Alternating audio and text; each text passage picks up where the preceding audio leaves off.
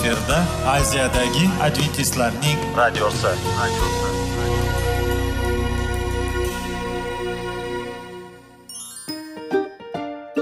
Assalomu alaykum aziz radio tinglovchilar. Sog'liq daqiqasi rubrikasiga xush kelibsiz. Zero tananing sog'lom bo'lishi va uning kasalliklardan saqlash har bir insonning burchi hisoblanadi.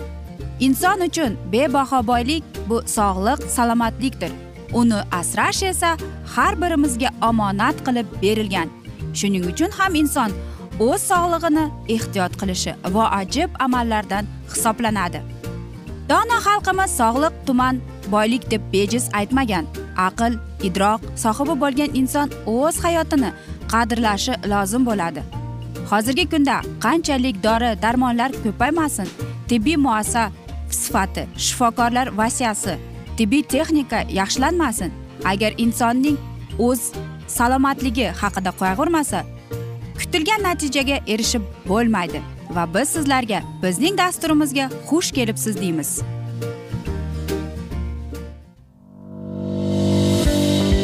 Sog'liq daqiqasi soliqning kaliti qiziqarli ma'lumotlar faktlar. Har kuni siz uchun foydali maslahatlar. Sog'liq daqiqasi rubrikasi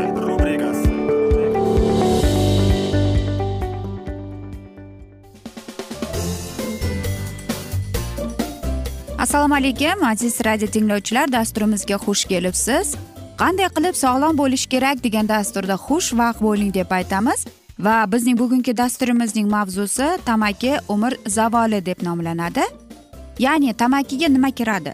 Bu sigaret nos chekishning kelib chiqishining tarixi haqida sizlar bilan bugun tanishtirib o'tamiz.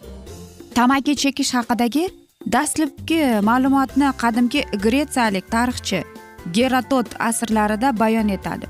U skiflar o'simlikni yoqib undan nafas oladilar deydi. Mashhur sayyoh kristofor kolumb o'n beshinchi asrda amerikaga guanan oroliga kelganda orolda yashovchilar kolumbga va uning dengiz sayohatchilariga sovg'alar qatorida quritilgan o'simlik barglarini ham taqdim qiladilar. Ular bu o'simlikni petum deb atashardilar. Bu yerdagi xalqni bu o'simlikni tutatib chekish chaynashni shuningdek yutishlarini ko'radi. Tamaki bargining qanda e, naycha qilib o'ralganini ular tabako va sigara deb nomlar edilar. Quritilgan tamaki naycha qilib o'rab chekilganda dastlab uni shifobaxsh modda tutuni turli kasalliklarni daf etadi kishini tetiklashtiradi tinchlantiradi deb o'ylagan edilar.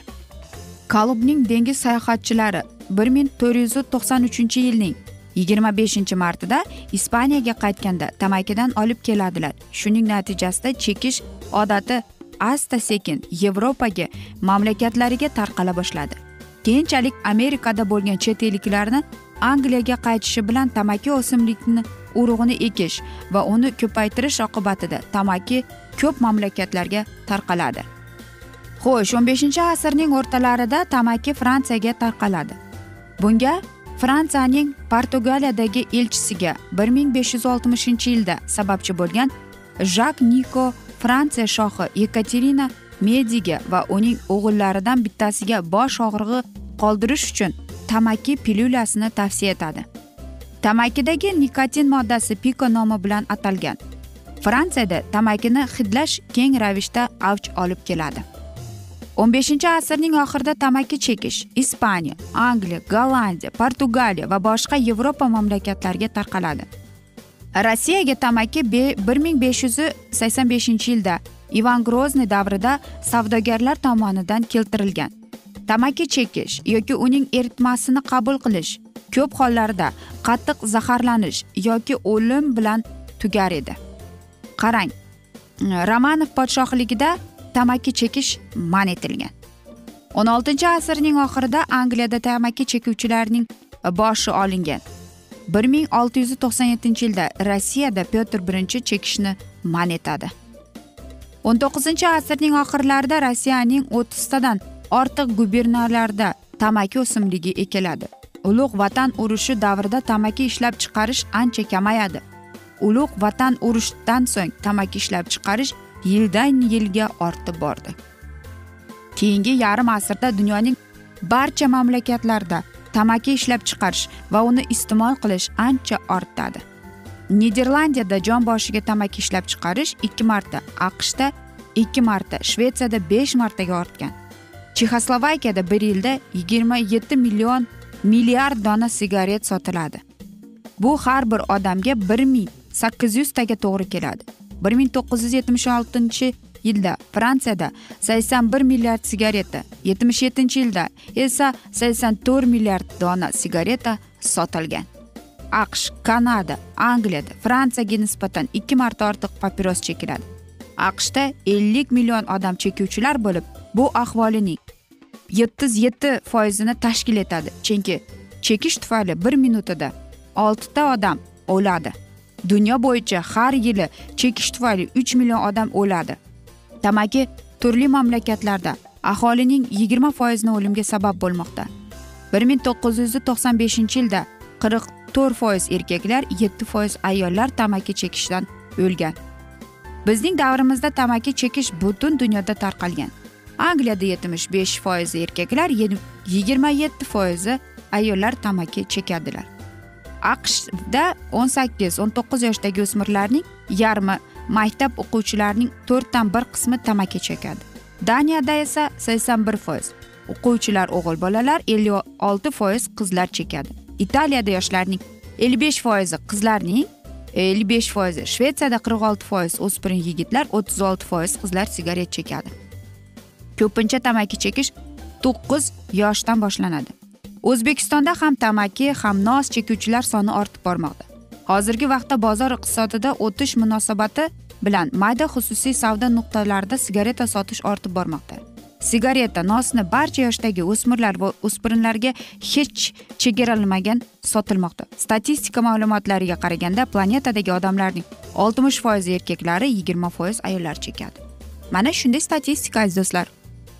Va men o'ylaymanki mana shunday asnoda biz sigareta chekish yoki nos chekishni yaxshilab o'ylanib ko'ramiz. Agar sizda mana shunday yomon odatingiz bo'lsa unda biz sizga tavsiya beramiz va maslahat berib o'tamizki undan qutuling uni sigaret chekmang nos chekmang deb. Va qarangki mana shunday statistika bo'yicha bu yildan yilda ko'payaveradi aziz do'stlar. Bu bizning sog'lig'imiz. Biz sog' bo'lsak biz eng boy odam hisoblanamiz. Aziz do'stlar mana shunday asnoda biz esa afsus bugungi dasturimizni yakunlab qolamiz chunki vaqt birozgina chetlatilgan. Lekin keyingi dasturlarda albatta mana shu mavzuni yana o'qib eshittiramiz. Va men o'ylaymanki sizlarda savollar bor. Agar shunday bo'lsa biz sizlarni salomat klub internet saytimizga taklif qilib qolamiz aziz do'stlar. Men umid qilaman siz bizni tark etmaysiz deb chunki oldinda bundanda qiziq va foydali dasturlar kutib kelmoqda sizlarni.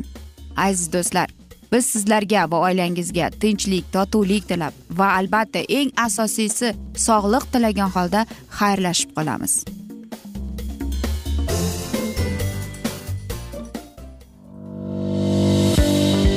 Sog'liq daqiqasi soliqning kaliti qiziqarli ma'lumotlar faktlar.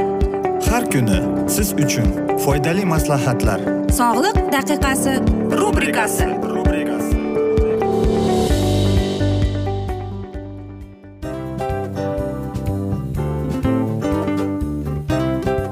mana ha hayotda hamma narsaning yaxshi narsalar tugaydi va yakunlaydi degandek bizning dasturimizga ham yakun keldi.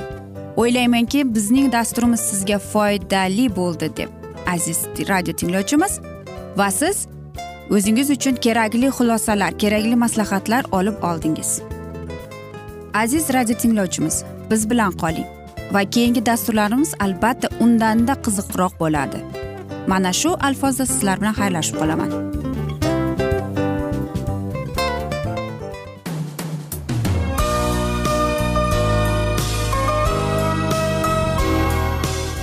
Efirda aziyadagi adventistlarning radiosi.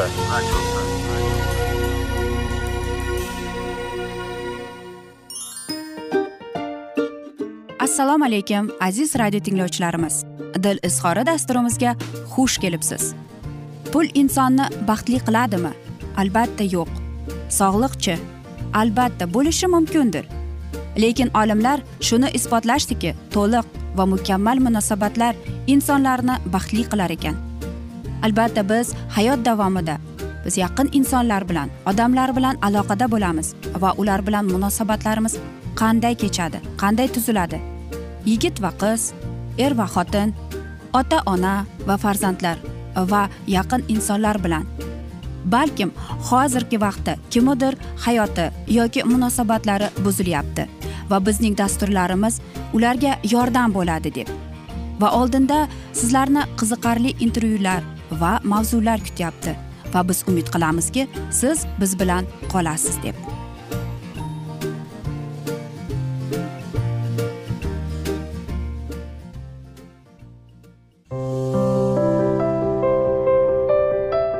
Har kuni har xil kasbdagi odamlar bilan sirlashish va bo'lishish sevgi rashq munosabat.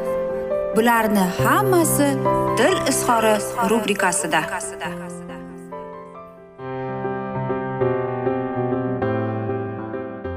Assalomu alaykum aziz radio tinglovchilar dasturimizga xush kelibsiz. Va topish va ushlab qolish degan dasturda xush vaqt bo'ling deb aytamiz. Va bugungi bizning dasturimizning mavzusi bu ota ona bola munosabatlar tizimi deb nomlanadi. Oila va nikohning paydo bo'lishiga sababchi omillardan biri ayniqsa bizning sharoitimizda farzand tug'ilishdir. Farzandsiz er xotin aloqalarini umuman oilaviy munosabatlarni tasavvur qilish mushkul. Ilmiy manbalar tarixidan e, insoniyat ota ona va farzandlar munosabatlari o'ziga xos bosqichlar va rivojlanish qonuniyatlarini boshdan kechirganligidan guvohlik beradi. Albatta agar tarixga ko'z qaratsak bizga umuman boshqacha beriladi. Lekin hozir e, biz hozirgi zamonaviy ko'z bilan qarasak olimlarning tasvirlashicha antiq davrda qarangki erkak va ayol aloqalari oqibatida farzand tug'ilsa unga deyarli befarq qarash ya'ni infatsilit munosabat kuzatilgan. Bunday munosabat mohiyatan shafqatsizlikka asoslangan bo'lib bolani dunyoga keltirganlar uchun uning nasl nasabi taqdiri unchalik ahamiyati bo'lmagan. Agar yangi asrga kelib bu munosabatlar tubdan o'zgargan odam zotiga egoizm o'ziga tegishli narsaga nisbatan egalik hissining taqomlashib borishi o'zidan bo'lgan zurriyotga nisbatan munosabatlarda ham o'z aksini topgan deydi. Mulkchilik shakllarining o'zgarishi turmush tarzini qadriyatlarga muondand kattalarning bolaga nisbatan his kechinmalari ham o'zgarib borgan. E, masalan o'n to'qqizinchi asrning boshlari yigirmanchi asrlarning o'rtalariga kelib ota onalar farzandlarining jamiyatda tutajak o'rinlari ularning ijtimoiylashuviga alohida e'tibor bera boshlaganlar. Keyingi davrlar esa kattalarning kichiklar taqdiriga befarq emasligi ularni qo'llab quvvatlash rivojlanishiga ko'maklashishning ahamiyati anglash davri bo'lgan. Bu an'anada deyarli bizning davrimiz ham davom etib kelmoqdaki endilikka e, tug'ilgan bolaga e'tibor oilaning barcha qadriyatlaridan ustun ham keladi. Lekin qarangki bunday g'amxo'rlik psixologiyasi ham madaniy tarixiy o'ziga xoslikka ega. Masalan ayrim xalqlar aksariyat yevropa xalqlari bolaga u kichikligida juda katta mehr va g'amxo'rlik ko'rsatadi. Taxminan o'smirlik davridan boshlab uning erkinligi tan olinadi va ota ona tomonidan beriladigan tarbiya uslublari o'zgartirilib unga kattalarcha munosabatlar e, barqarorlashtiriladi. Boshqa bir madaniy entlik hududlarda aksincha farzand balog'atga yetgan sari ota onaning unga e'tibori kuchayadi. Masalan osiyo xalqlari xususan o'zbeklarda ham oila kattaligi va serfarzandligi bois e, bolalarning kichik yoshdagi rivojlanishi xususiyatlariga tabiiy holda qarab e, juda katta qayg'urish bilan unga ma'naviy ruhiy rivojlanishiga e'tibor qaratilmaydi. Lekin qiz bola balog'atga yetib ko'rkamlashib borgan sari o'g'il bolaning qo'lidan ish kelib qatoriga qo'shilgan sari ota onada ulardan e, g'ururlanish taqdiriga kuyinish ya'ni g'amxo'rlikni ko'rsatish ham ortib boradi. Bunday g'amxo'rlik shu qadarki uylangan o'g'ilning qadam bosishlarini ham hamon ota ona nazoratidan qilaveradi. Bu ba'zan qaynona kelin munosabatlarida yoki ota o'g'il munosabatlarda tarangliklarni nizolarni keltirib chiqaradi. Yuqorida qayd etilgan davrlarda tabiiy ota ona farzandlarni tug'ish tarbiya qilish va jamiyatga tayyorlashda o'ziga xos metodlarini qo'llagan. Boshida o'zidan ajratishni hayotga tayyorlashni ham bilmagan ota ona bora bora bolani jamiyatga ijtimoiylashuvga ahamiyat beradigan shu jarayonga yordam beradigan bo'lib borgan. Ota onadagi egoizm bolalardagiga aylanib borganki hozirgi davrda ko'pgina ota onalar farzandlarining faqat o'zini o'ylashi ota onani tushunmasligidan noliydigan ham bo'lib qolgan. Lekin aslida tarixiy rivojlanish tendensiyalariga e'tibor berilsa bunga faqat ota onalarning o'zlari aybdordir. Albatta biz mana shunday holatlarni ko'p ko'ramiz.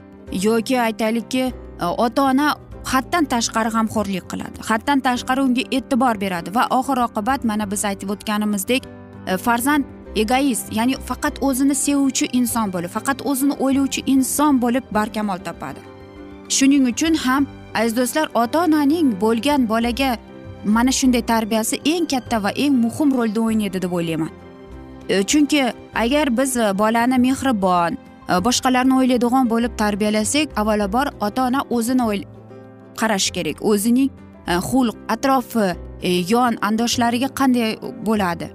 Va eng avvalo va eng muhim narsa bu albatta ota onaning o'zaro munosabatidir. Chunki agar bola e, masalan ota qanday onaga qanday munosabatda bo'ladi? Qanday unga g'amxo'rlik qilyapti? Bola ham mana shunday narsalarni ko'rib albatta o'ylaydi ko'radi. Va unda shunday bir fikr e, shakllanib keladiki demak men yolg'iz emas ekanman men boshqalarni o'ylashim kerak ekan degan fikrda. Biz o'ylaymizki bu qiyin yo'q aziz do'stlar. Hamma narsa ota ona ya'ni er va xotinning munosabatlariga bog'liq ekan. Qarangki shuning uchun ham bu mana shu masalaga kelganda er xotin faqat o'zini o'ylamaslik kerak. Agar o'rtada farzand bo'lsa e, mana shu farzandning oldida eng namunali eng ibratli er xotin bo'lishi kerak. Chunki sizlar birinchi o'rinda er xotin keyin ota onasizlar shuning uchun e, sizlarga e, va ota onaga shunday maslahatki nima bo'lgan chog'da ham birinchi o'rinda siz o'zingizning farzandingiz uchun namuna bo'lishingiz kerak. U sizdan ibrat olishi kerak aziz ota ona biz esa mana shunday asnoda afsus bugungi dasturimizni yakunlab qolamiz chunki vaqt birozgina chetlatilgan. Lekin keyingi dasturda albatta mana shu mavzuni yana o'qib eshittiramiz. Men umid qilamanki bizni tark etmaysiz deb chunki oldinda bundanda qiziq va foydali dasturlar kutib kelmoqda deymiz aziz do'stlar. Va albatta e, sizlarga va oilangizga tinchlik totuvlik tilab yuzingizdan tabassum hech ham ayrimasin deymiz. Va albatta aziz do'stlar seving seviling deb xayrlashib qolamiz.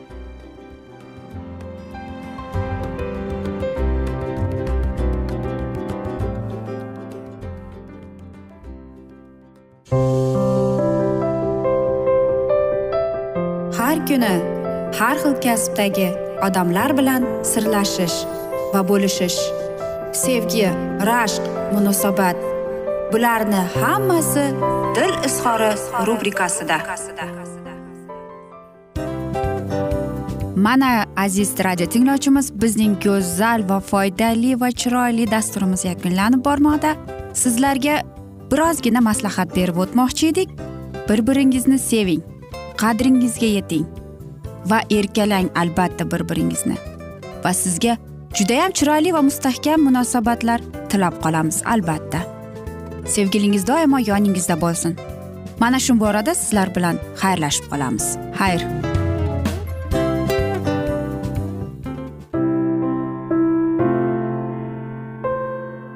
Hayotning noni qiziqtirgan savollar va javoblar. Buning hammasi ko'ngil uchun oziqa rubrikasida.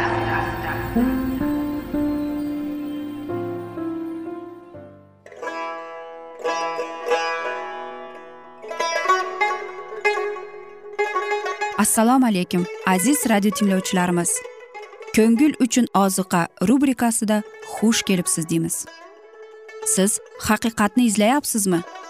Olamnimi umidnimi siz kimga murojaat qilmoqchisiz? Odamlar ko'pincha siyosat kuchiga tayanadilar. Dunyo iqtisodiyoti holati tobora chuqurlashib bormoqda. Tabiiy ofatlar va texnogen halokatlar minglab insonlarning hayotini olib ketib juda katta zarar yetkazmoqda. Sizga abadiy hayot inomini hadya qiluvchi va hayotingizni tubdan o'zgartiruvchi haqiqatni izlab toping. Xudo haqidagi haqiqat uning kalomida mujassamlashgan. Kimki bu haqiqatni butun qalbi bilan izlasa albatta unga yetishadi. Bu sevgi xudoning tarixidir. Hayotingizda yoki sizning yon atrofingizdagi olamda nimalar yuz berishidan qat'iy nazar siz ertagi kunga buyuk umid va ishonch hosil qilishingiz mumkin. Hozirda xudo sizga taklif qilayotgan umid ishonchga o'z qalbingizni oching va sizni qiziqtirayotgan mavzularni savollaringizga javoblaringizni topib olasiz deb umid qilamiz. Biz bilan qoling.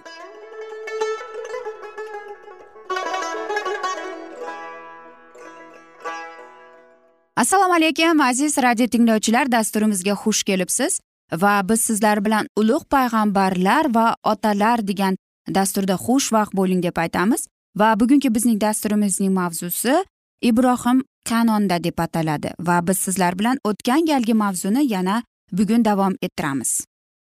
Elam podshosi nobud bo'ldi. Uning askarlari esa vahimaga tushgan holatda tamoman vayron bo'ldilar. Azaldan bo'lganining yo'ldoshi mamlakatda katta barakagina keltirmay o'zini shuhratli askar sifatida namoyon qildi. Taqvodorlik qo'rqoqlik emas ekaniga hamma ishondi. Ibrohimning iymoni mazlul bo'lganlarning huquqini himoya qilish uchun unda jasorat tug'ildi. Uning qahramonchiligi atrofdagi qabilalar ichida sharaflandi. U qadr lovmer va unga ittiqvodosh bo'lgan podshohlarni tort mor etib qaytib kelayotganida sadum shohi uni shofe tekisligida qarshilaganini chiqdi. Sadum shohi ibrohimga odamlarni menga beru mol mulkni o'zingga olgin deb qattiq turdi.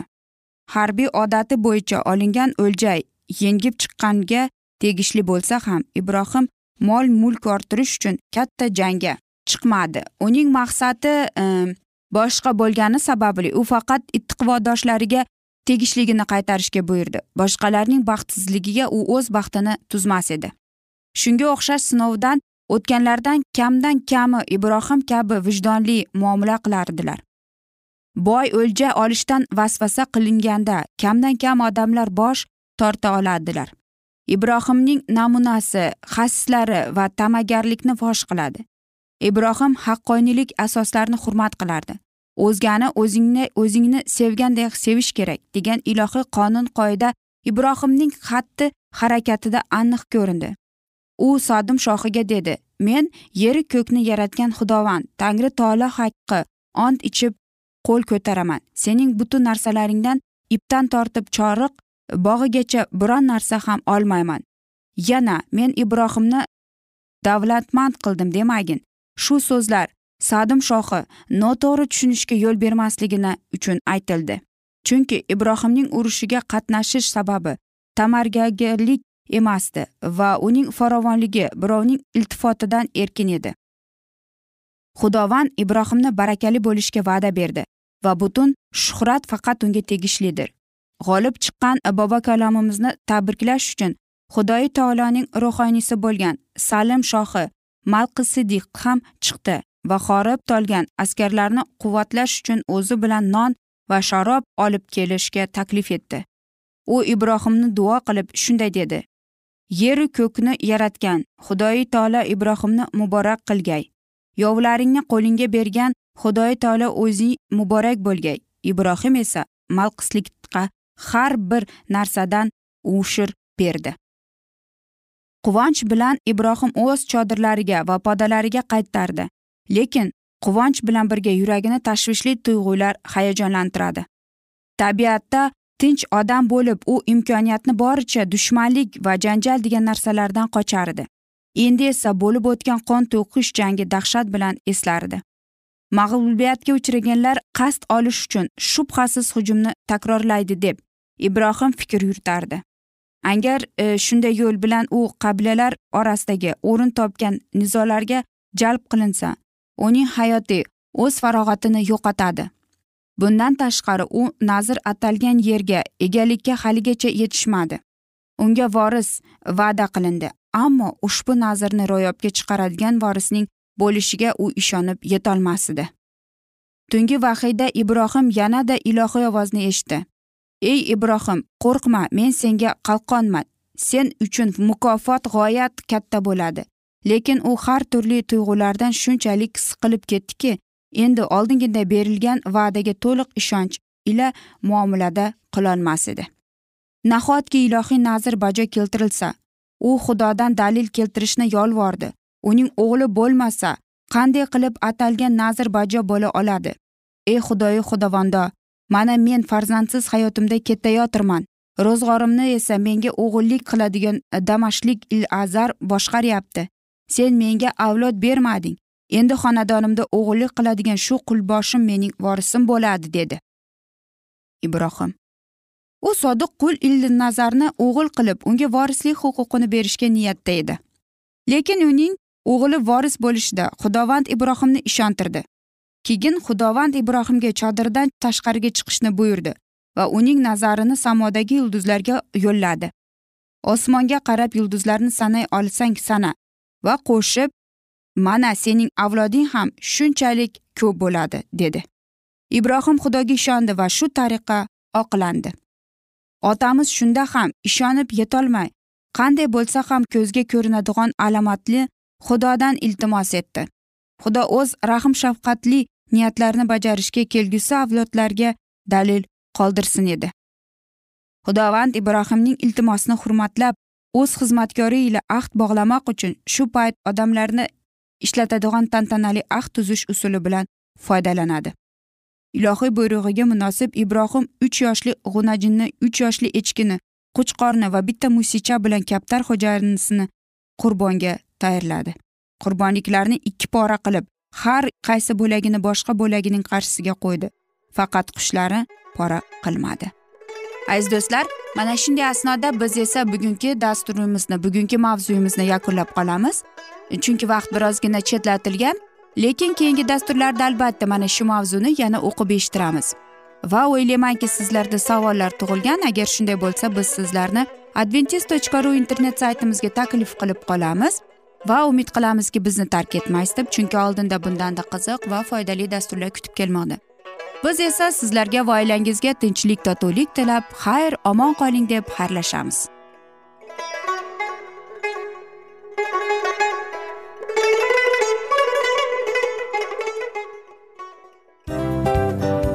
Mana aziz radio tinglovchimiz hamma yaxshi narsaning yakuni bo'ladi degandek bizning ham dasturlarimiz yakunlanib qolmoqda. Aziz do'stlar o'ylaymanki bizning dasturlarimiz sizlar uchun judayam foydali bo'ldi deb. Bizning dasturlarimizdan siz o'zingizga foydali va judayam kerakli maslahatlar oldingiz deb. Masalan sog'liq borasida. Biz sizlarga sog'liq tilaymiz albatta lekin bizning maslahatlarimizga ham amal qilishga unutmang. Munosabatlarga kelganda bu munosabatlar chuqur va yaxshi bo'lishi uchun uni ustidan ishlash kerak albatta. Diniy masalaga kelsak aziz do'stlar bu judayam jiddiy va chuqur nazarni talab qiladi. Ammo biz sizlar bilan xayrlashib qolmaymiz keyingi dasturlarda eshittirishimizni davom ettiramiz va sizlar bilan mana shu yaxshi kayfiyatda xayrlashib qolamiz. Va keyingi dasturlarda ko'rishguncha xayr!